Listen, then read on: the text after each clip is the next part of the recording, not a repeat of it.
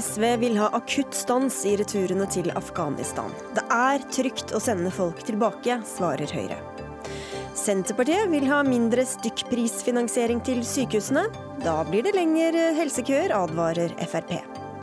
Og villedende og upedagogiske studenter ved Universitetet i Oslo er ikke nådige i tilbakemeldingene til professorene sine. Lønner det seg bare å forske og ikke å forelese?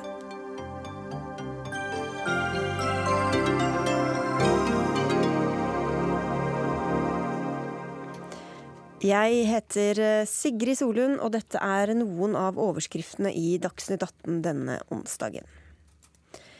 Men vi begynner sendinga i New York, der åtte mennesker ble drept i gårsdagens terrorangrep. En 29-åring med opprinnelse fra Usbekistan kjørte ned folk på en sykkelvei. Usbekistan er også linket til andre terrorhandlinger i år. Da skal vi snart til New York, men først skal vi til deg, Lene Wetterland. Du er seniorrådgiver i Den norske Helsingforskomité og kjenner godt til forholdene i Usbekistan og de andre tidligere sovjetrepublikkene i Sentral-Asia. For alle som ikke ser verdenskartet for sitt indre øye, Usbekistan ligger altså i Sentral-Asia og grenser bl.a. til Afghanistan i sør. En etnisk eh, usbeker fra Kirgisistan sto bak et terrorangrep i St. Petersburg i april. En annen usbeker utførte et angrep i Stockholm, også det i april. Hva kan, forklare eh, at, eller hva kan forklare at det er flere fra Usbekistan som er innblandet i, i disse terrorhandlingene i år? Her er det jo veldig mange forskjellige elementer som, eh, som spiller inn. Eh, det ene er jo at eh, flere av de, de kommer fra Sentral-Asia. De er usbekere gjerne, men de har blitt radikaliserte etter at de forlot Sentral-Asia. Både i Sverige og, og, i USA og i Russland så skjer det jo prosesser etter at man har reist som gjør at man kan bli utsatt for den type påvirkning som gjør at man går i den retning. Eh, samtidig så er jo Usbekistan et veldig undertrykkende regime.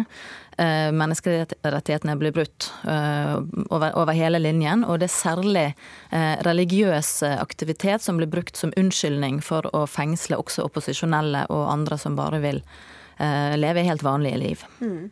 Du skal få utdype litt, men først skal vi til New York og til deg, Anders Magnus, korrespondent. Hvordan er folks reaksjoner nå i dag, dagen etter terrorangrepet? Ja, her er, I New York er det jo ganske rolig og fattet uh, stemning. Folk uh, må jo på jobb, de må uh, leve sine hverdagsliv. I går var det festlig her, faktisk. Det var en svær parade med bortimot én million mennesker som feiret halloween. Og det hadde de jo blitt oppfordret til å gjøre av byens borgermester og staten New Yorks guvernør. Som de sier, vi må fortsette livene våre.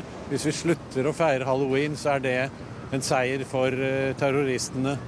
Eh, men det var jo selvfølgelig et voldsomt eh, utbud av politifolk overalt, og det er det fortsatt. Man, mange spør seg jo kan New York Marathon gå som planlagt nå til helgen.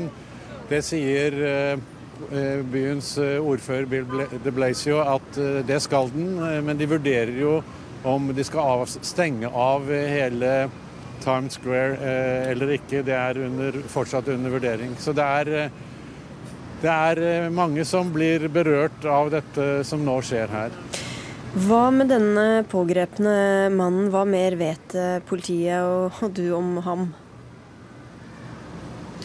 Vi vet om han at han bodde i New Jersey sammen med sin kone og to barn. Han var sjåfør i taxiselskapet Uber. Han hadde tidligere vært lastebilsjåfør i Ohio, har bodd her i syv år. Det viser seg nå at han har fått 23 eh, eh, familiemedlemmer eller andre slektninger eh, nære til USA etter at han selv kom hit. Han eh, har ikke vært i kontakt med verken føderale myndigheter eller New York-politiet. Han har fått noen trafikkbøter, men politiet undersøker nå om det kan være andre i hans omgangskrets som kan ha forbindelser med uh, terrorovervåkede. Men uh, Trump har jo nå sagt på en, et pressemøte at sånn som dette kan vi ikke ha det. Vi kan ikke ha det slik at én person plutselig skal kunne få innvandret 23 andre medlemmer av sin familie. Og han vil nå endre reglene for det visumlotteriet som denne mannen har kommet inn på. Og han, vurderer, han sier han vurderer nå også at denne mannen skal fengsles og sendes til Guantánamo-fengselet på Cuba. Men hva kan han gjøre da, Trump, politisk for å endre dette systemet? Han har jo møtt på mange problemer så langt i forsøk på å endre eh, ordningene. Ja, Han sier at han nå har tatt det første skritt eh, på veien mot eh, å avvikle hele dette visumlotteriet, som ble innført under president Bill Clinton. Han sier at det er demokratene sin skyld at dette, at dette har fortsatt pågått. Det han gjør, er eh, å si til sine partikolleger i Representantenes hus i Kongressen at han vil ha en endring i lovverket. Og det er mange republikanere som nok er enige med han i det. Det har vært forslag om det allerede. Det er ventet kanskje at nå blir det mer fart i sakene. At Trump og republikanerne får et større gjennomslag for dette etter denne hendelsen som nå har skjedd i New York. Takk skal du ha, Anders Magnus. Det er altså ifølge den uavhengige organisasjonen International Crisis Group usbekere som er den største enkeltgruppa av IS-krigere fra uh, denne regionen. Men å si at Usbekistan er et slags arnested for terrorisme blir feil likevel, sier du, Wetterland? Ja, altså Det ene med at det, er flest usbekere fra Sentral-Asia som, som, er fremmedkrigere, det henger jo også mye sammen med at det er Usbekistan som har flest borgere eh, av alle landene i, i Sentral-Asia. Så det er rett og slett mange flere mennesker der. Eh, og det er et av de to verste diktaturene eh, i, i området. Som du sa innledningsvis, så er jo dette land som tidligere var i Sovjetunionen, som er overtatt av diktatorer som har videreført mange av de Eh, det som før var en kommunisme og ateisme, er nå blitt en stat som ikke, som ikke henger sammen. Det har vært eh, et familiedynasti som har styrt i, i Usbekistan i, i, i, lange tider. Og det er vanskelig for folk rett og slett å, å, å greie seg, å bo og leve eh, og ha et nettverk rundt seg. Så, så man ender opp med å stole på familie, og man stoler på andre da som vil komme og, og til, tilby et sånn fellesskap som du ikke får eh, andre steder. Nå må vi være veldig forsiktige med å generalisere noen verdens ting her, men hva er det eh, disse som da er, som du sier er blitt radikalisert når de er dratt til andre land, hva er det de har med seg i bagasjen fra Usbekistan som kanskje kan være med på å forklare det som skjer da? Ja, Mange av de som drar fra, fra Usbekistan, de drar jo fordi at de får ikke Altså, man lever i dyp fattigdom. Altså, uh, Usbekistan har store inntekter i olje og gass, men dette kommer ikke befolkningen til gode. Man får ikke jobb, man lever i fattigdom, barn og familie har ikke penger. Da drar noen i familien til Russland eller Skandinavia eller andre steder for rett og slett å, å tjene penger. Um, og de har kanskje manglende utdannelse, de har manglende Eh, livserfaring. Eh, og i Russland så er det jo mange historier om at eh, man bor under veldig kummerlige forhold. Man blir utsatt for rasisme, og ikke bare diskriminere, men direkte vold fra, fra de man møter rundt, rundt seg i, i, i, gatene. Så det er veldig mye som ligger til rette for at disse kan bli lettere påvirket, men også at Eh, det blir utnyttet da, av, eh, av, de som har den type hensikter. Nå er det jo mange som lever i fattigdom uten å verve seg til IS eh, av den grunn. Men hva, mm. hva er det religiøse aspektet her i denne regionen? Som, altså, hvordan står radikal islam f.eks. i, i Usbekistan og andre av disse landene? Ja, så Sovjetunionen var jo da ateistisk, og, men flere hadde fremdeles en, en tro eh, likevel, da, som de ikke fikk eh, gitt, gitt, uttrykk for i den grad som, som, de gjerne skulle ønske. Men de hadde fremdeles denne troen. Eh, når Sovjetunionen forsvant, så var det mer mulighet for å, for å utøve sin tro på forskjellige måter. Det kom misjonærer og det kom andre fra ulike religioner til regionen for nå å liksom redde disse, disse sjelene som man nå kunne snakke med. Og noen av disse er jo òg rike islamske land som har penger til å bygge moskeer og til å, uh, til å gjøre uh, gode ting da, med de pengene som de har fra Tyrkia, fra Saudi-Arabia, fra, fra, fra, andre land. Og Det som ofte kjennetegner disse som er radikalisert òg, det er at de har lite kunnskap faktisk om islam før de drar. For den eh, islam som de har hatt hjemmefra, den har vært ganske enkel og, og mer Sånn som en, en nordmann kan være kristen, f.eks. At man feirer jul, men glemmer ofte gjerne hvorfor man feirer jul, og man går ikke så ofte til kirken, og man drikker alkohol hvis man vil, osv. Så, videre. så det er ikke den type islam som eh, som, som eh, eh, forteller hvordan man skal leve. Mm. Eh, og når man da blir fortalt det fra andre, så blir man lettere da påvirket. Helt kort til slutt her. Mm. Usbekistans president tilbyr nå å hjelpe amerikanske myndigheter i etterforskningen av det som skjedde i New York. Er det noen utsikter nå til mer åpenhet og bedre menneskerettighetssituasjon i Usbekistan framover? Nå har han vært president i, i ett år eh, ca. Han, han, skal ha kreditt for at eh, Han skal roses for at han har løftet på en del restriksjoner. Han har satt noen politiske fanger fri osv. Men eh, man skal likevel være litt skeptisk eh, og, og ta med en liten, liten klype salt eh, det som skjer. Men det er en god mulighet til å, å bruke denne anledningen til å påvirke usbekiske myndigheter til å, til å gjøre situasjonen bedre reelt. Takk skal du ha for at du kom, Lene Wetterland fra Den norske Helsingforskomité. Vi tar også med at det er to asylsøkere her i Norge som nå er pågrepet av PST siktet for terrortilknytning. Og det blir mer om det utover kvelden på nrk.no og i andre kanaler.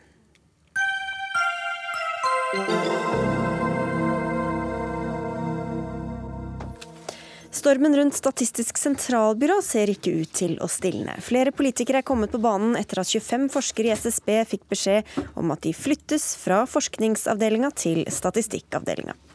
En av dem er Erling Holmøy, mannen bak det såkalte innvandringsregnskapet.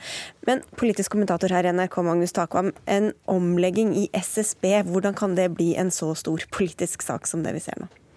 Ja, det kan du spørre om. Eh, sånn eh, generelt så er jo skal vi si, effektivisering og omorganisering i offentlige institusjoner noe som går under radaren for de fleste. Det er noe man driver med hele tiden, og burde ikke derfor bli gjenstand for det bråket vi har sett eh, nå. Men jeg tror at det som utløste det, helt åpenbart har vært da det ble kjent at Erling Holmøy, en profilert og dyktig forsker i SSB blir avskiltet ifølge dette forslaget og flyttet ut av forskningsavdelingen. Med hele den eh, profilen han har hatt som forsker på, i Brochmann II-utvalget om innvandring osv., så, videre, så tente det eh, eh, den politiske dimensjonen. Og så har det i, i, etterkant av det blitt virvlet opp også mange andre aspekter ved den omleggingen som gjør at uh, Finansdepartementet nå vurderer om, om uh, det i det hele tatt er riktig å gå videre langs det sporet. Og noe av det som da er virvlet opp, er jo tidligere uttalelser som eh, direktør i SSB Kristine Meyer har eh, hatt, som har vært eh, innvandringsliberale uttalelser. Hun er da blitt beskyldt for å drive med en slags politikk i SSB. Vi skal høre litt av hva hun sa i dag om hvorvidt hun legger politiske føringer for forskningen i byrået. Jeg blir opprørt eh, av en sånn eh, kritikk, for den er ikke basert i fakta. Eh, den har ingen realiteter i seg. Jeg ville aldri gått inn og politisk styrt verken forskningen eller statistikken i SSB. Politisk redaktør i Aftenposten, Trine Eilertsen. Du er en av dem som har advart mot å se konspirasjoner her. Hvorfor det? Nei, altså jeg, jeg, merker jeg blir eh, litt oppgitt når eh, profilerte politikere som Jon Helgheim i Frp og, og Liv Signe Navarsete i Senterpartiet eh, på en måte tar for gitt at det er denne koblingen som ligger bak endringene og omplasseringen av Erling Holmøy. De tar utgangspunkt i at han har forsket mye på innvandring, på fremskrivninger av kostnader knyttet til innvandring. Og han har jo også selv sagt at dette er forskning som min ledelse ikke er spesielt glad i. Men så går de fra det til å si at flyttingen av han og endringen i SSB handler om at ledelsen i SSB skal kvitte seg med en forsker som får frem innsikt som er i motstrid til det politiske synet til ledelsen i SSB. Det er jo en utrolig grov anklage. Hvis det er riktig, så må de få sparken om en time. Og hvis du skal påstå det, så må du faktisk undersøke at det stemmer. Men hvorfor er det ikke naturlig å bare stille spørsmål da, i hvert fall? Ja, Da må du spørre, og så må du undersøke og høre på svaret, men det, man har jo prøvd å svare og si hva bygger man dette på? Hvorfor påstår man dette? Og det er bare sånn Ja, nei, vi må jo bare spørre. Mm. Og så får du et svar som er plausibelt, og så tar du det på en måte videre ut fra det. Jeg mener det undergraver institusjoner, og det er ikke, er ikke riktig. må bare legge til at Vi har forsøkt å få disse menneskene du, du beskriver eller du nevner i, i studio i dag, også uten å lykkes. Eh, Magnus Takman? Altså, jeg er helt uh, enig i den vurderingen av at, at dette som nå skjer, uh, ikke har noe med at Kristine uh, Meyer tar politiske sidehensyn når det gjelder forskningen i SSB. Men samtidig så er det jo slik at uh, hun på en måte har gjort det vanskelig for seg selv gjennom de uttalelsene hun har kommet med, for så vidt også kanskje Erling Holmøy. Og en historikk der jo Kristine Meyer uh, har vært i strupen på Frp og, og omvendt om eh, tema statistikk, kriminalitet, innvandring. Slik at tilliten til Kristine Meyer i Fremskrittspartiet er fra før av veldig liten av disse grunnene. Og det er klart at når og det innvandringskritiske miljøet i Norge har på en måte adoptert, etter min mening på feilaktig grunnlag, Erling Holmøy som sin, sin mann. Liksom at han er den som tør å si ifra. Eh, Sånn at det blir en fortelling her om at de sparker ut en brysom innvandringskritisk forsker, og det er etter min mening ikke riktig, men det kan forklare noe av dynamikken. Men du har snakket med kilder i SSB i dag også, Trine Eilertsen. Hva sier de? Ja, altså jeg har snakket med kilder i går og i dag, eh, og de sier jo det at det er jo en diskusjon internt også om forskningen til, eh, til Erling Holmøy. Så det er klart at eh, Kristine Meyer har uttalt det hun har sagt, men de har jo en fagfellevurdering internt, hvor flere var veldig kritiske til denne rapporten som ble levert veldig forsinket i mai som et underlag til Brochmann-utvalget, eh, som ble godkjent først eh, forrige, tidlig, tidlig forrige uke. Eh, hvor de sier det at En av grunnene til at den ble utsatt, var at Erling Holme ikke ønsket å ta til seg egentlig en del av den kritikken eller høre på de innspillene. Han sa jo også i VG i går at det var irrelevant og, eh, og, og egentlig kunnskapsløst. Eh, og så De har jo en diskusjon internt om hvordan de skal heve kvaliteten på det de leverer ut. og Flere de er jo ganske opprørt over at, at dette blir en diskusjon om hvorvidt de skal drive med innvandringsanalyse, når de sier at det vi prøver å gjøre er å heve kvaliteten på det vi leverer av innvandringsanalyse. Og de leverer jo bare mer og mer av det. Mm. Altså, Erling Holmøy selv mener jo ikke at årsaken til at han blir flyttet, er hans forskningsprosjekt og hans forskningsprofil. Det han, i likhet med mange andre i eh, det fagøkonomiske miljøet og i SSB reagerer på, er, er jo eh, det grepet som ledelsen har foreslått med å flytte flytte eh, skal vi si, de ansvarlige for to veldig viktige økonomiske modeller ut av forskningsavdelingen og inn i statistikkavdelingen. F.eks. sa Ådne Cappelen i, i går eller foregårs til Finansavisen at det å tro at det å flytte disse modellene ut på den måten eh, er et fornuftig grep, er, er liksom, da viser man at man ikke forstår hva det handler om. For de vil på en måte dø ut hvis de ikke er del av et aktivt forskningsmiljø, blir korrigert og liksom fungerer på den måten de, de mener. sånn at det er den biten som, som jeg tror er, er den viktigste prinsipielle siden her. Og der er det jo litt ulike meninger om dette er et klokt ja. grep eller ikke. Men Trine Ellersen, hvor viktig er det for politikken som skal styre, eller som skal brukes i Norge, hva SSB driver med og hva det kommer fram til? Det er utrolig viktig. for SSB er jo en premissleverandør i nesten i alle de store debattene om hvor Norge skal, skal utvikle seg. Eh, Hans Wide, økonomiprofessor fra Bergen, sa jo til Dagens Næringsliv i dag at de har fått en sånn orakelposisjon i Norge, eh, som jo er, kan være et gode. Men hvis du har en orakelposisjon, så må du også jobbe kontinuerlig med å heve kvaliteten på det du gjør. og Det er jo litt av det som er diskusjonen. Hvordan skal du gjøre det? Er denne flyttingen riktig? Er denne omplasseringen riktig? Som er en veldig interessant diskusjon. Og helt kort, mm. Magnus Takvam, hva, hva, kan skje videre nå i denne saken? da? Ja, altså, nå har jo Siv Jensen først hatt et møte, og så bestemte hun seg for, for, å bremse opp den videre utviklingen av denne omorganiseringen. og De skal ha et nytt møte på mandag. og eh, som, som det er blitt kjent, så er det liksom eh, Ingenting er, er besluttet foreløpig. Og en, en, mulig konklusjon på dette er at hele prosessen blir stanset inntil videre og liksom lagt inn under Eh, prosessen med dette, noe som heter Statistikklovutvalget, som rett rundt hjørnet skal levere sin rapport som omfatter bl.a. Statistisk sentralbyrå. Så mange ser på det som nå skjer i byrået som en forskuttering av det, og syns det er veldig dumt. Så det er en mulighet at man venter, og så lar det bli en del av den diskusjonen og få en bredere plattform for, for de endringene som skal skje. da. Så føljetongen fortsetter. Takk i denne omgang, Trine Eilertsen og Magnus Takvam.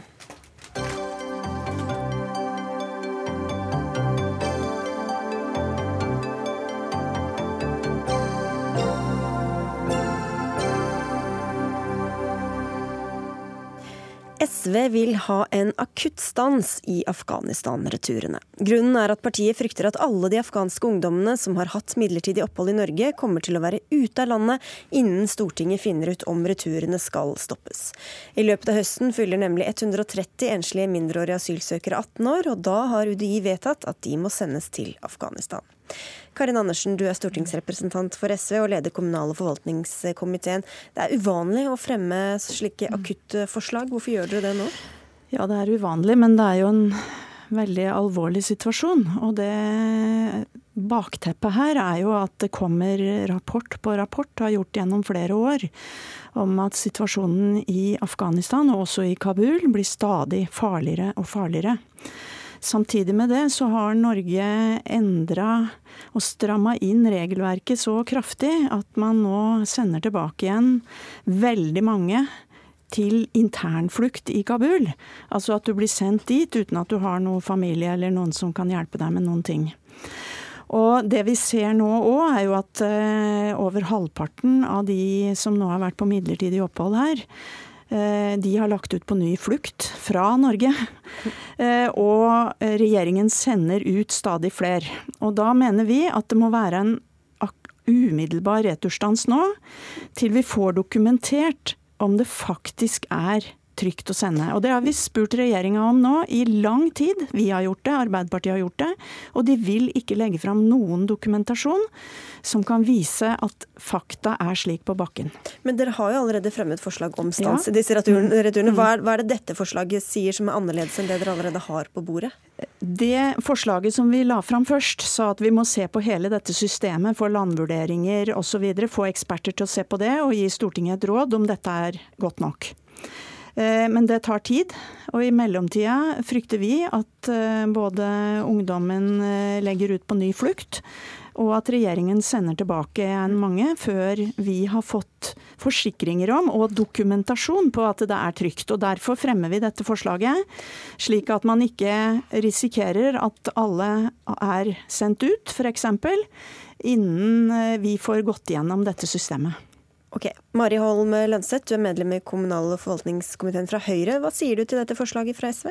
Jeg tror det er lurt å starte med å si at jeg er enig med Karin Andersen i at det her er, det er vanskelige saker. Men enhver som kommer til Norge og søker asyl, har krav på å få behandla saken sin individuelt. Det er UDI, UNE, som behandler det, og de har info fra Landinfo. Og de sitter jo med en uavhengig, faglig vurdering som det ikke er mulig å instruere for om det er trygt å bli sendt, eh, sendt, tilbake eller ikke. Og jeg tror det er viktig også å ha i mente at for at vi skal sørge for at alle dem som har krav på å få opphold og beskyttelse i Norge, skal få det, så er vi faktisk nødt til å, å fortsette å føre en streng og, og rettferdig innvandringspolitikk. Men, men kan du men, gå med på å stanse det nå inntil videre før, mens dere undersøker hvor trygt det faktisk er, og hva som skjer med disse? Det er jo Landinfo som sitter på den informasjonen, og det er dem som rapporterer. Og når de sier at det er, er trygt, så holder vi oss på det. Nå er det jo sånn at asylinstituttet det har jo blitt forhandla frem etter et bredt flertall over, over mange år som skal sørge for at eh, alle dem som har krav på beskyttelse, får det. Så jeg mener at det krever en, en bredere vurdering. Men det som også er viktig å ha med seg her, det er jo at Norge har tatt imot vel 80 000 mennesker siden 2012, og de skal integreres eh, mm. godt for at vi skal ta vare på dem. Men, men, det er ikke det dette handler om. Dette handler om å få fastslått fakta. Og her er det altså en rekke internasjonale rapporter. Det er ikke bare Amnesty, det er FN. Det er ulike rapporter fra ulike internasjonale organisasjoner. Det er utsagn fra Nato-personell som er der, både fra USA, fra norsk Nato-personell, som sier at det blir farligere og farligere. Tallene på drepte, skadde, antall angrep osv. øker for hver eneste uke som går. Og da burde det være mulig for regjeringen å kunne peke på én kilde, i det minste, som kan si, dokumentere dette som har vært der. Isteden så får vi, når vi spør regjeringen, svar som sånn gå inn på landinfo.no. Ja, hvorfor stoler du ikke på det som står der, da? Nei, Vi har ikke fått de. Vi får bare beskjed om at vi må gå inn på landinfo.no og lete selv. Og der er det en rekke rapporter. Men alle de rapportene som, vi, som nå er offentlige, kjent, de dokumenterer at det er blitt men, mye verre. Okay, og Derfor ber vi regjeringen kun nå om å legge fram noen av de de faktaene som kan dokumentere at det faktisk er trygt nå. For all offentlig informasjon ja, tilsier, ja. tilsier, det motsatte. Fordi Landinfo sitter jo, og de har jo en rekke kilder, bl.a. rapportene fra Amnesty, fra NOAS og flere, som de bruker for å ta, ta de her vurderingene her. Det er altså et uavhengig organ som flere land i Europa ser til for å se hvordan man skal vurdere det. Vi har det ikke noe Det stemmer jo ikke, for de andre landene i Europa har, jo vurdert ikke, dette helt annerledes. Hvis, hvis jeg kan få, få snakke ferdig, så, så, tror jeg heller Det er også ikke sånn at vi har en strengere Afghanistan-politikk enn andre sammenlignbare land jo. i Europa. Men, de, men, Karin Andersen, jeg, jeg, vil bare høre men, hva du vil. Poenget, ja, men hva vil du? De, Afghanistan er jo et farlig land. Skal alle som kommer fra Afghanistan få bli i Norge, eller hva skal man gjøre men, med dem? Men dette handler altså ikke om en streng eller en liberal flyktningepolitikk. Dette jo, handler om jo. kjernen Nei, dette handler om kjernen i flyktningretten. Bør skje med disse, hva bør skje med disse, mener du? Altså En ting er jo akkurat nå å få en stans, men ja. hva slags system vil du ha? Nei, og det er jo det som er i det andre forslaget vårt. At vi ber der om en ekspertgruppe til å se på dette, sånn at at det må være mulig å, å, ha noe offentlig informasjon om det man baserer slike viktige beslutninger på. For dette er grunnlaget i asylretten. Er det livsfarlig å sende folk tilbake eller ikke? For alle i Norge i hvert fall sier at de er enige om at hvis det er farlig, så skal man ikke sendes tilbake. Og det er det Så alle som kommer fra Afghanistan bør forbli da i Norge? Nei, det betyr ikke dette. Dette betyr at vi skal sette ned et ekspertutvalg som skal se på dette systemet, og så må det være mulig å verifisere hvordan man dokumenterer at det ikke er farligere. Når alle åpne eh, rapporter sier at det er farligere, fakta, tallene sier at det er farligere, og også Nato-personell som er til stede sier at det har blitt mye farligere. Og Hvis det alle er som uenige eller usikre på dette, i hvert fall Holm Lønseth, hvorfor ikke ha da en større åpenhet og undersøke nærmere da hvor farlig eller hvor trygt det er å reise tilbake? Men det er jo nettopp derfor vi har Landinfo, som skal fortelle oss om det er trygt eller farlig å reise tilbake. De skal sikre at vi har åpne rapporter om, om nettopp det her.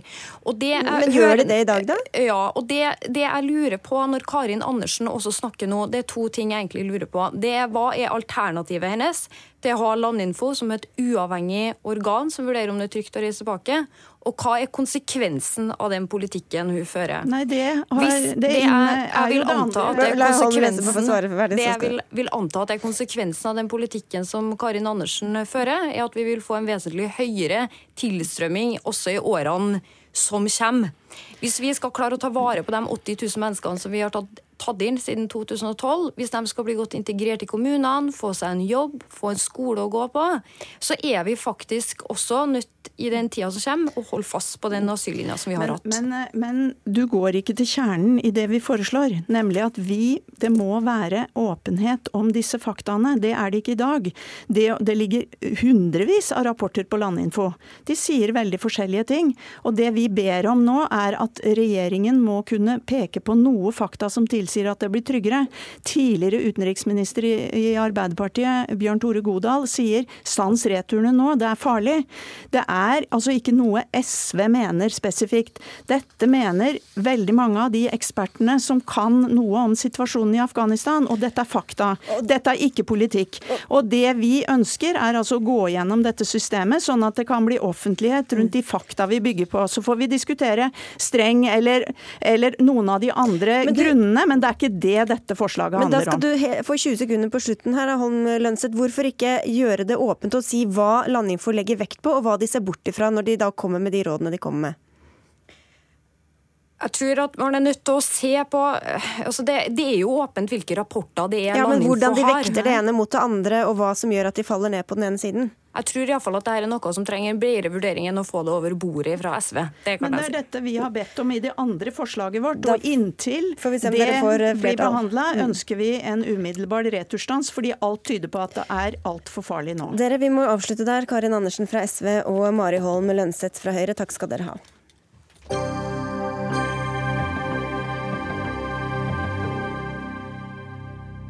Apropos flertall, det kan være flertall for å endre finansieringa av sykehusene. I dag er halvparten av pengene som går til sykehusene innsatsstyrt. Det betyr at de får en viss sum per pasient de behandler, mens halvparten av finansieringa kommer som en fast sum gjennom rammefinansiering.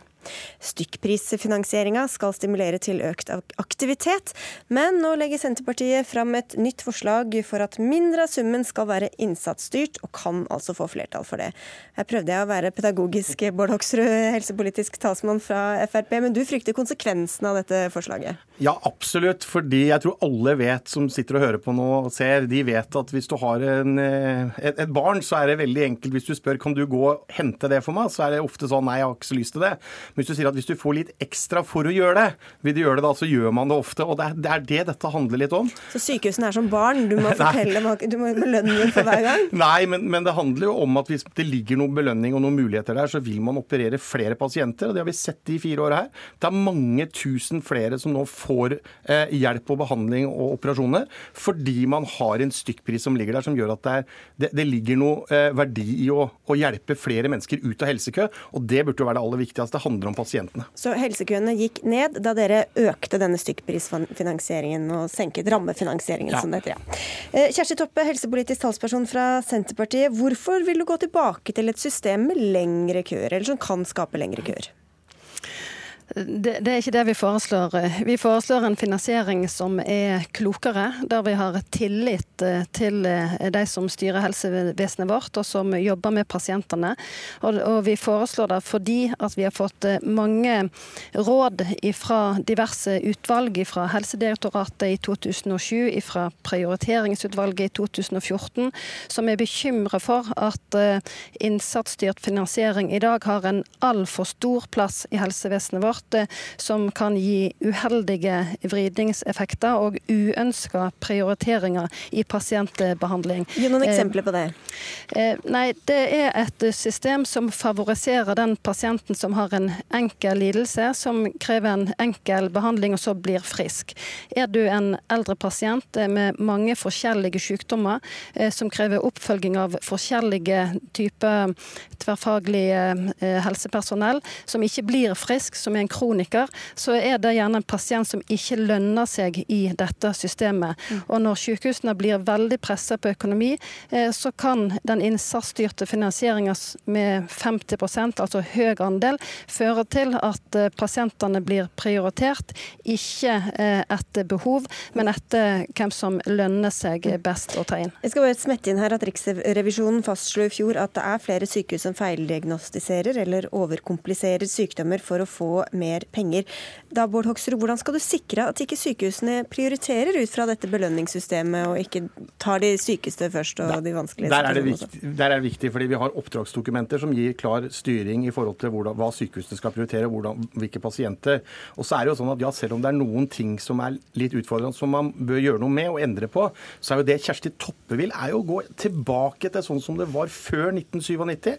Når vi altså hadde sykehusavdelinger som hadde lite pasienter og behandla behandla få pasienter, som altså blei sett på som gode avdelinger fordi de ikke hadde pasienter, og dermed gikk de med overskudd.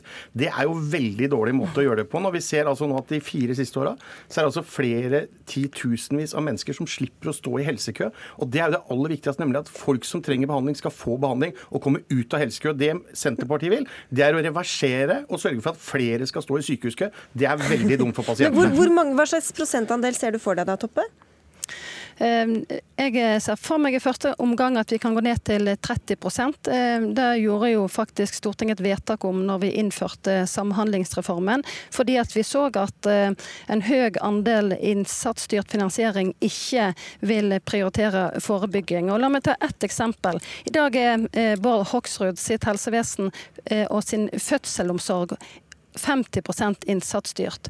Da har vi eksempel fra eh, sykehusene som sier at eh, fødselskvinner, dersom det er sånn at eh, en blør i løpet av en fødsel mer enn 500 milliliter, så, blir, så får en 5000 kroner mer i penger fra staten. Altså denne ja, men, forebygging lønner seg ikke, altså? Ja, men, dersom, men, men, hvorfor dersom, kan dere ha andre kontrollmekanismer mm. i stedet for å ta det gjennom finansieringa? Men eh, det er nettopp det vi har. Eh, innsatsstyrt finansiering ble innført i 1997. Eh, så det er helt feil når Hoksrud sier at vi skal gå tilbake til da. For at jo, men, det er 20 år siden. Og i dag så har jo Hvorfor kan du ikke kontrollere jo, disse tingene gjennom nettopp, andre systemer? Jo, det er nettopp det som er mitt poeng. At vi trenger ikke innsatsstyrt finansiering i dag for for å sikre effektivitet og produktivitet til å holde ventelistene nede. Fordi at vi, I dag har vi et helt annet rettighetsbasert helsevesen enn vi hadde i 1997. Pasientene får eh, behandlingsgarantier, de har krav til vente. Pakkeløp osv. Ja. Bård Hoksrud. Ja, andre ting som dere kan heller lene dere på. Pakkeforløp er kjempeviktig, og det er heldigvis Fremskrittspartiet var en av de som var i bresjen for dette, for å innføre pakkeforløp i kreftomsorgen, og det ser vi at det er kjempebra. Men det som er synd, er jo at det Kjersti Toppe vil, og selv om hun sier nå at ikke man vil tilbake til det gamle systemet, så er jo forslaget ligger at det er den veien man ønsker å gå. Man reduserer til 30 Men hun sier at det, det, gamle systemet er ikke det gamle systemet lenger, fordi at det er et nytt system. så det blir ikke det gamle systemet uansett. Jo, jo, men poenget er at hvis, jo mindre innsatsstyrt finansiert du gjør helsevesenet, jo, jo mindre incitament for å faktisk operere flere pasienter får du. Jeg syns det er viktig at de pengene vi skal bruke på helsevesenet, de skal vi bruke på å hjelpe pasientene og gi pasientene behandling. Og Det er det dette handler om. og Derfor burde stykkprisen faktisk vært enda høyere. Ja, hvorfor ikke 100 da? Nei, fordi at det er noen basisting i forhold til akuttmottak og noen andre ting som er viktig å ha der. Men den burde vært høyere. og Fremskrittspartiet hadde en periode 60 og da eh, sørger vi for at flere pasienter fikk mulighet til å få behandling. Og som jeg sier nå, at etter at vi nå har hatt en 50-50, så ser vi altså at etter de fire åra med denne regjeringa som har mer, altså bevilga mer penger også, men vi ser også at flere pasienter eh, blir behandla. Og det er jo det aller viktigste, at folk ikke skal stå i sykehuskø, men faktisk få behandling og bli friske. Eh, det er jo pussig at en har så stor mistillit eh, til de som jobber i sykehus. Og det er jo òg et paradoks at en mener at en ikke, eh, absolutt ikke kan finansiere sykehus på samme måte som skole, eldreomsorg, legevakt, helsestasjon, alle andre offentlige tjenestetilbud. Og det er òg pussig at en mener at den markedsmekanismen som er innført med foretaksmodellen, det var jo derfor en innførte innsatsstyrt finansiering, fordi en skulle ha en bestiller eller utførermodell, en skulle ha en helseforetaksmodell. Altså mer markedsmekanisme. Men det har fungert også, sier du da? eller? Ja, men det som vi foreslår, er jo eh, at en tar den andelen, andel ned. Eh, fordi at eh, det har store negative konsekvenser når innsatsstyrt finansiering eh, får så stort fokus på sykehusavdelingene våre, helt ned til sykehussenger. Vi har fått klare advarsler om at det fører til feilprioriteringer. At vi prioriterer de pasientene som lønner seg mest, og ikke de som har størst behov. Og Er det ett overordnet mål for helsepolitikken, det er jo at det skal være eh, rettferdig, og vi skal prioritere etter behov. Og Jeg er bekymra for at systemet ikke tar godt nok vare på de pasientene som har eh, kroniske sykdommer og flere samtidige lidelser. Jeg, jeg, jeg, er redd for deg, Kjersti Toppe, at du vil sette flere folk i helsekø, for det er utfordringa med det systemet du ønsker. I Skottland jeg, jeg har lyst til å si at det er fantastisk mange flotte mennesker som står ja. på hver eneste dag i, i helsevesenet, og som, som syns at det er greit at man nå også har eh, den måten å finansiere eh, men, men, det er jo, det er jo bare 20 prosentpoeng som skiller dere, så det er jo ikke sånn enten-eller. Men, men, men, men, som jeg sier, Fremskrittspartiet ønsker utgangspunktet en høyere stykkpris, fordi vi tror at det vil hjelpe enda flere pasienter. Dere har ikke så stor tro på at folk gjør det riktige ja. men, jo, jo, jeg mener at folk gjør en veldig bra jobb i helsevesenet. Fantastisk flinke mennesker. Men Hvorfor skal de kunne prioritere jo, men, innenfor rammene? Jo, men jeg tror at alle skjønner at hvis det er sånn at hvis du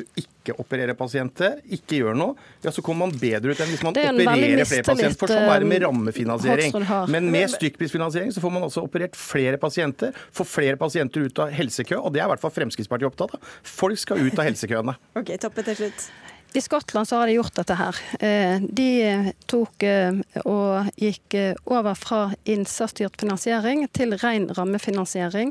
De fikk gode resultat. De fikk ned ventelistene sine, og de fikk økt produktiviteten.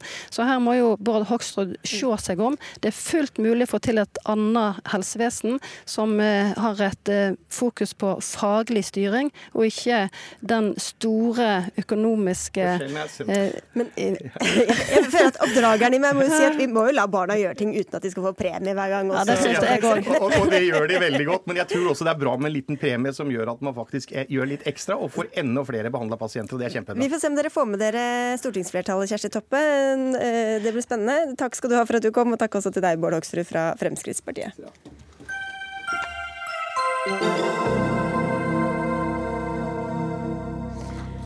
I hele går og i nesten hele dag har utdannings- og forskningskomiteen på Stortinget sittet samlet og hørt på innspill fra ulike organisasjoner.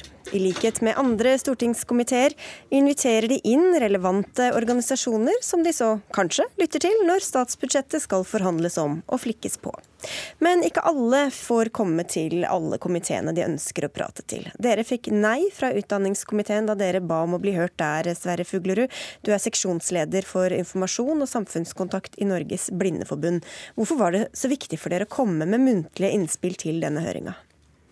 Vi er de eneste som har fokus på elever med synsproblemer. Og det er kjempeviktig at komiteen lytter til de utfordringene som mange elever har pga. dette. Og i år så har det vært flere medieoppslag med problemer som synshemmede barn og unge har. Det har vært i forhold til at man mangler bøker i ungdomsskolen. Jeg har til og med vært i debatt i Dagsnytt 18 om den saken her tidligere i sommer. I mai så var det en stor debatt i Stortinget der alle partiene var enige om at nå må man gjøre noe med synshemmede elevers situasjon. Altså 65% opplever mobbing. Eh, veldig mange blir tatt ut av klassen hver eneste uke, nesten 70 og nesten like mange eh, er i en situasjon der de ikke får tilrettelagt undervisning i alle fag. Og så blir vi da møtt med at vi ikke får mulighet til å komme i komiteen på høring for første gang. Dette hører ingen steder hjemme. Ja, Roy Steffensen fra Frp, du er leder av utdannings- og forskningskomiteen på Stortinget, som altså har gjennomført disse høringene. Hvorfor fikk ikke Blindeforbundet komme? Eh, I år så var det sånn at vi fikk inn eh, rekordmange søknader. altså Vi fikk inn 104 søknader. Eh, og vi valgte å legge oss på ei veldig streng linje med, med hvem vi ønska skulle komme inn. Det var ca. 60 stykker som, som, fikk muligheten til å delta.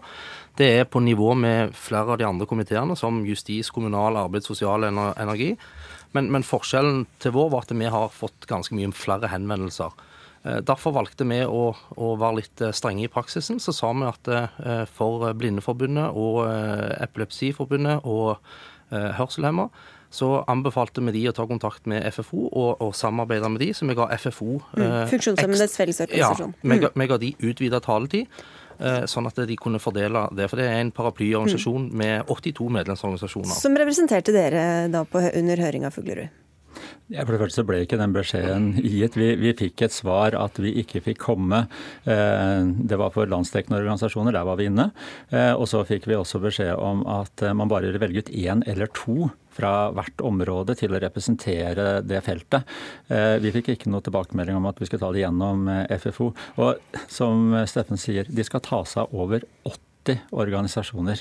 De har ikke detaljkunnskap om synsfeltet. Eh, og De fikk da også spørsmål underveis i høringa som de ikke kunne svare på, som de da bedt oss å følge opp. Og så, hvis jeg bare kan få legge til, I helsekomiteen så var det 116 som deltok på høring. Så jeg skjønner ikke at man ikke har funnet plass til en organisasjon som Blindeforbundet, og særlig når vi vet hva som har skjedd før i år. Og Det er nå de kan påvirke for budsjettet, Steffensen. Det er nå penga er eh, muligens tilgjengelige. Hvorfor eh, satte dere ned foten for så mange som ønsket å bli hørt? Eh, det handler om at vi har holdt på i nesten to dager nå med, med høringer, høringer, med masse organisasjoner. Eh, og, og vi ønsker, ønsker, ikke å bruke, bruke, nesten tre dager på det. Eh, alle har fått muligheten til å sende inn skriftlige innspill. Der registrerer vi at av de 104 så har altså alle unntatt Blindeforbundet valgt å, å sende inn skriftlige innspill. Eh, men det er vel så viktig oss, eh, for oss, fordi vi leser de. Eh, vi takker ja til invitasjoner utenom. altså Sånn som jeg har selv sagt ja til møte Blindeforbundet om to uker. Da vil de få en halvtime med Frp sin fraksjon. Jeg vet at de benytter den muligheten hos veldig mange av de andre partiene òg. Og sånn er det for veldig mange av disse organisasjonene som allerede har vært inne og holdt, holdt sine femminutters appeller til oss. Eh, men òg de som får avslag, så får de muligheten til å treffe oss eh, utenom. Mm. Hvis jeg bare kan få si, Vi har sendt skriftlig høring.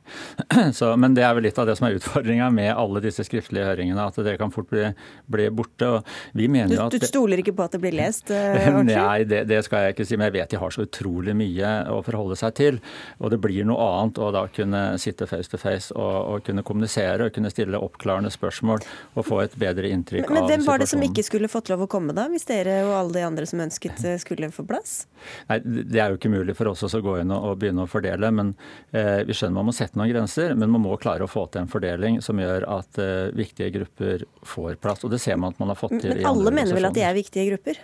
Eh, hvem som skal eh, være med og ikke med, det, det kan ikke vi velge ut. Men, men, det er helt åpenbart at med de utfordringene som er på synssida, eh, så, så, må en organisasjon som Blindeforbundet få være med. Bare for å få lov til å nevne et, eh, et, eksempel, hvis jeg får lov. Det er 20% av barn i grunnskolen som har behov for synskorrigerende hjelpemidler. Veldig få av disse får det, og 40% i videregående skole. Dette er sånne ting som vi ønsker å kunne ta opp direkte med komiteen. Vi har sendt inn skriftlig, men vi mener også er viktig at vi kan ta det ansikt til ansikt. Og Da hjelper det ikke å ha et møte etter at budsjettet er lagt, eh, Steffensen? Eh, budsjettet er jo ikke lagt når, eh, når vi f.eks. skal møte med Blindeforbundet om to uker. fordi Forhandlingene om budsjettet starter, starter nå på, på, mandag. Og de har muligheten til å treffe de andre partiene òg, akkurat når det, måtte, når det måtte passe de. Eh, men, men jeg, jeg, vil bare påpeke at det, det, er ikke, det er ikke dermed sagt at fordi vi har valgt denne ordningen i år, så er det dermed sagt at det, sånn blir det, blir det de neste åra. Eh, fordi vi har jo, eh, Nå når vi fikk klage fra Blindeforbundet, så, så har jeg bedt om oversikt over hvordan de andre komiteene gjør det. Og det er ingen tvil om at vi har vært sammen med transportkomiteen vært de strengeste i klassen i år. Men noe av bakgrunnen til at vi var strenge i klassen, det var jo fordi Stortinget har endra regelverket, som gjør at, at høringer skal som hovedregel nå være på dager hvor det ikke er møter i stortingssalen. Det gjør at det er mye færre dager å fordele høringene på. Derfor ønsker vi å ha en streng praksis. Men det er ikke dermed sagt at det blir sånn neste år. Men du, helt på tampen, Steffensen, hvor mye flytter dere egentlig på budsjettet, bare ut fra hvem som får snakke eller skriver inn? Eh, vi har jo ikke høringer bare som et eh, teater eh, hvor det, hvor det har ingenting, ingenting, å si. Det er jo klart det, det er derfor vi har høring. fordi at Hvis det er ting som oppstår som vi ser at mm. dette slår feil ut, så, så vil vi lytte til det.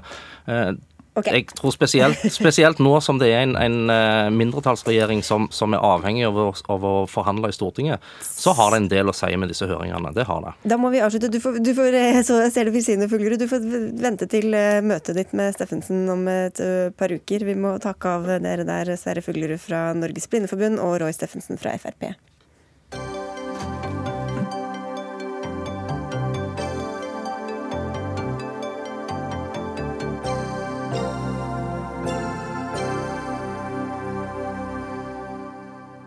Inkompetent og dårlig forberedt, uforståelig vås, og det han sier gir rett og slett ikke mening. Dette er bare noen av måtene studenter beskriver forelesere ved Universitetet i Oslo på, skriver studentavisa Universitas. Avisa har gått gjennom klagene som studenter har gitt til foreleserne sine. Og Jens Legereid, du er leder ved studentparlamentet ved Universitetet i Oslo. Hva er det studentene forteller om at kan møte dem på forelesninger der? Det er veldig mye forskjellig.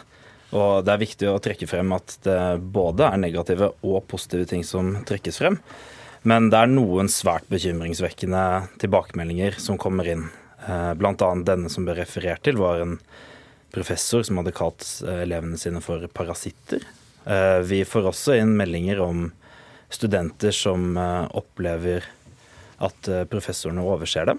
Vi får inn meldinger om professorer som mener at studentene deres er late.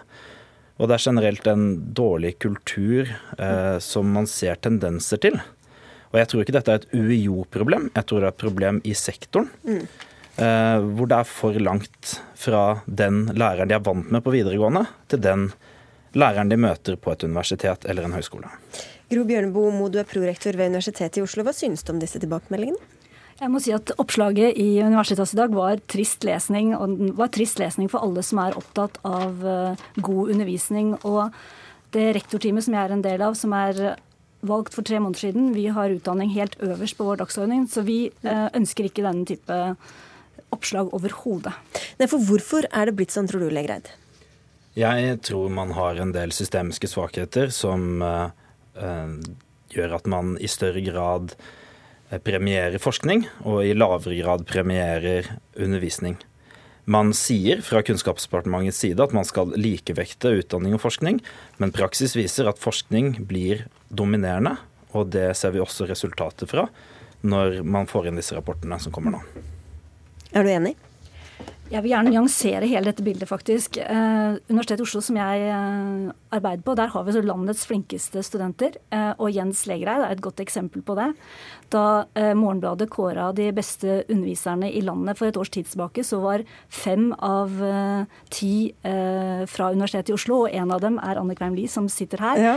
Mange er veldig engasjert for å ikke bare sin egen undervisning, men for rett og slett å få til mer massiv god undervisning på universitetene. Så jeg vil gjerne si det først. Men du, da, nå er du halvveis uh, introdusert Anne Kvemli. Du er altså førsteamanuensis ved Avdeling for samfunnsmedisin og global helse, og er en av disse um, ti på topp fra Morgenbladet. Hvordan er du blitt det da i dette systemet? Nei, det er ikke systemets skyld, det må jeg bare si, Gro. Eh, jeg kjenner også igjen den virkelighetsbeskrivelsen foreløpig som fine ord eh, om at man skal gjøre noe med undervisning, men jeg kjenner meg jo igjen i det studentene beskriver fra undervisersiden. Eh, men jeg vil si en liten presisjon. Altså, jeg tror at eh, den aller meste dårlige undervisningen som blir gitt, og jeg tror at dessverre at studentene har rett i at det er ganske mye av den, det tror jeg blir gitt av undervisere som har dårlig selvtillit. Og det er det jeg mener med at eh, systemet har et ansvar her, fordi at det legges for lite vekt på undervisning både i ansettelsesprosesser og ikke minst når du får nyansatte. Det gir ikke mening at hver enkelt nyansatt skal finne opp kruttet på nytt. Det finnes nå Eh, vi skal gå gjennom et obligatorisk pedagogikkurs, som var det som reddet meg. Jeg var en ekstremt dårlig underviser, vil jeg si selv. Eh, kjemperedd for å undervise, og det gjorde også at jeg fikk dårlig selvtillit og gjorde en dårlig jobb. Eh, men pedagogikkurset var veldig viktig for meg. Men det blir sett på som en sur plikt av veldig mange. Og det finnes ikke noen nettsider eller noe hjelp man kan gå til for å prøve å gjøre undervisningen sin bedre. Og Jeg bare får jeg lov til å si én bitte liten ting til. Jeg tenker at forskning, i hvert fall på mitt fakultet, medisinsk fakultet, det er ikke noe man skal gjøre alene. Det skal man gjøre i fellesskap. Men undervisning, halvparten av jobben vår, det skal vi da sitte og gjøre helt alene og som sagt finne opp kruttet helt jeg skal, på nytt. Jeg skal bare sitere et, eh, en til av disse sitatene som Universitas har funnet. Eh, en student skriver altså om en foreleser. Hun har flere ganger uttalt at hun er klar over at hun ikke bruker god pedagogikk i forelesningene, og har i mange år hatt flere episoder med ufyselige kommentarer mot studentene. Hva slags støtteapparat eh, og opplæring får de som skal viderebringe og utvikle denne kunnskapen til studentene? De får den type kursing som Anne akkurat har beskrevet vi snakker om to ytterpunkter av debatten her nå. Vi snakker på den ene side om klager, og så snakker vi om de aller beste underviserne. Mm. Midt mellom der ligger det veldig mye hardt og godt arbeid. Men eh, jeg vil si når det gjelder klagene, så er det sånn at det følges veldig seriøst opp. Vi har et veldig godt klagesystem. Så den type saker som Universitetet snakker om i dag, som er veldig trist lesning, det følges opp. Og de som får den type klager rettet mot seg, de blir fulgt opp eh, og får en støtte av den typen som Anne etterlyser. Så er det sånn at eh, det er mye som skjer på meritteringsfronten om dagen. og når det gjelder anerkjennelse av undervisning. Vi har fått en ny stortingsmelding. Vi på Universitetet i Oslo er i ferd med å se hvordan vi kan lage en meritteringsordning som gjør at eh, undervisning blir mer meritterende. Som vi var inne på, så er det ikke nødvendigvis et eh, spesifikt problem for Universitetet i Oslo, men kan være likedan for alle andre universiteter og høyskoler eh, rundt om i landet. Men Legreid, hva slags merittering, hva slags belønnelsesordning ser du for deg at kan hjelpe forelesningene? Vi eh, må, nå skal vi inn i en prosess hvor vi skal uh, vurdere flere uh, fremgangsmåter. Og Vi er opptatt av at når vi først har fått muligheten nå til å lage et meritteringssystem, et system som kan gi varige endringer i sektoren, så må vi tenke oss veldig nøye om. Og vi må gjøre en solid jobb som varer lenge. Men én ting har vi sagt at vi er overbevist om. Og det er nettopp det som vi var inne på her i sted, at folk fungerer best i fellesskap. Vi vil ikke lage én og én god eh, underviser. Vi vil at folk i fellesskap skal spille på hverandre. Vi må lage en kultur for tilbakemelding, der hvor både studenter og ansatte tar til seg eh, de tilbakemeldingene de får, og gjør noe med situasjonen. Vi må spille hverandre gode. Professorer må spille professorer gode, studenter må spille studenter gode, og man må spille hverandre gode på tvers av de to kategoriene som jeg nevnte i sted. Hvordan er det miljøet da, Kremli? Er det mange som kommer til deg for og spør hva er det du gjør som virker så godt, jeg får det ikke helt til? Nei, og det tror jeg er mye også denne dårlige selvtilliten som gjør at du ikke helt tør å innrømme feil. Eh, det er ikke, så, det er ikke vanlig, dessverre, å sitte og høre på hverandres forelesninger, i hvert fall ikke i de miljøene jeg kjenner, eh, og gi konstruktiv kritikk. Og det er kjempevanskelig og sårt eh, å ta imot kritikk på av egne kollegaer. Men istedenfor skal man da prøve seg på 120 studenter for første gang. Jeg tenker jo at man burde prøve seg på hverandre først.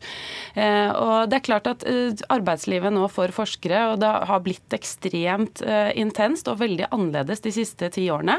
Så uh, jeg er jo så glad for at rektoratet nå tar den jobben, og jeg tror på Gro med at de vil gjøre det. Men det er jo å kjempe mot uh, veldig mange andre krav som forskere har på seg. Så det må man jo også ta på alvor. Og jeg tenker jo kanskje at man liksom til og med må kjøre opp på individuelle insentiver, selv om jeg er i utgangspunktet veldig mot sånne ting. Så tenker jeg at nå Altså lønn, lønn f.eks.? Ja, eller lønn, eller andre typer ting. Stimuleringsmidler, eller altså et eller annet som gjør gjør at man eh, kan premiere de som virkelig ønsker å gjøre en forskjell. Fordi det koster såpass mye mm. av det, det, er såpass mye annet du må forsake. Men jeg tenker jo også at det bør være et miljø hvor man får lære av hverandre, de som virkelig er interessert i undervisning. Og det tenker jeg er en lederoppgave. At man må skape et forum hvor de kan møte hverandre på tvers av faggrenser og lære hva man av hverandre. Hva er det man gjør godt, og hvordan kan man gjøre det? tror jeg ville vært utrolig bra. At det ikke bare knyttes til de enkelte læringsmiljøene. Så, så både mer utveksling, mer større bedre miljøer, men også eventuelt eh, økonomiske eller andre insentiver. Eh, Bjørn Urmo, er det, er det aktuelt? Anne ja, alt, eller? Vi har akkurat eh, fått to helt fantastiske ting som har skjedd på Universitetet i Oslo. Vi har nå fått en mulighet for at man kan få ut et semester fri fra ordinære oppgaver for å arbeide med å utvikle nye undervisningsopplegg. Og vi har fått et nytt senter for læring og utdanning. og Der går jeg nå og snakker med fakultetene om hvordan vi skal bruke det. og Nå ser jeg at der har vi for første gang en god arena hvor vi kan få til den type deling på tvers som det her er snakk om. Så vil jeg si noe til dette med merittering og individuell belønning, fordi det har vært veldig debattert. Og eh, det jeg tror alle som arbeider med meritteringsordninger er enige om, det er at disse ordningene må brukes for å styrke det kollegiale fellesskapet, for å avprivatisere undervisning, for å bekjempe noen av de problemene studentene beskriver, og for å styrke kvaliteten på undervisninga, typen den som Anne representerer. For Der kan det ligge et motsetningsforhold da, mellom det private incitamentet ja. og, det, og det kollegiale? Mens Bergen har laget et ganske fint system hvor de sier at for å bli merittert underviser der, så må du kunne dokumentere at du har bidratt kollegialt. Mm. Og det er et system vi ser på nå. Hvorfor er det så viktig for studentene å ha disse inspirerende og gode forelesningene? Det er vel fordi vi studenter kommer fra en tradisjon hvor vi får veldig mye kunnskap gjennom grunnskolen og videregående.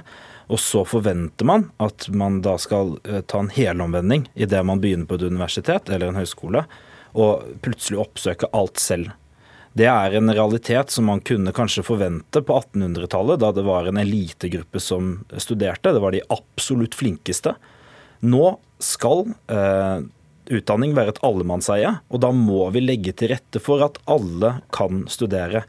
Det er klart at noen studenter eh, har mindre vaner for studiet når de kommer inn, men det må vi ha et system som ivaretar. Vi kan ikke bare stå på vår tue og forvente at eh, folk skal gjøre en helomvending idet de valser inn døren. Det at du blir tatt opp til et studie, gjør deg ikke til et nytt menneske, men det kan gi deg muligheten til å bli det, og da må systemene være på plass. Femlig. Men får jeg lov til å si da at jeg tenker jo at studentene også har en jobb å gjøre. Studentene eh, må være bedre på å gi konstruktiv kritikk. Eh, de må være bedre på å komme forberedt til undervisningen, så vi faktisk kan gjøre den student- og aktiviserende undervisningen vi ønsker. Eh, og de må eh, være villige til å være med på utviklingsarbeid i undervisningen, for det er dere selv som vet hvor skoen trykker. Har du ti sekunders tips til kolleger og andre som skal drive med forelesninger? Nei, det, ja, det er å samarbeide med studentene om å lage undervis god undervisning. De skal ikke bestemme innholdet, men de vet veldig mye om hva som funker av form. Og vi kommer med tilbakemelding hvis vi får muligheten til det. Så her trenger vi gode systemer, og det er bra at vi har startet dialogen. Oi, oi, oi, halleluja. Altså, det er Dagsnytt 18-studio det skjer. Takk skal dere ha, alle tre. Jens Legreid, Gro Bjørnerud Mo og Anne Kveim Lie. For Dagsnytt 18 er over for uh, i dag. Vi er tilbake igjen i morgen. I dag var det Arnhild Myklebust som hadde ansvaret for innholdet i sendinga, og Finn Lie som hadde det tekniske ansvaret. Jeg heter Sigrid Solund, og vi ønsker en god kveld videre.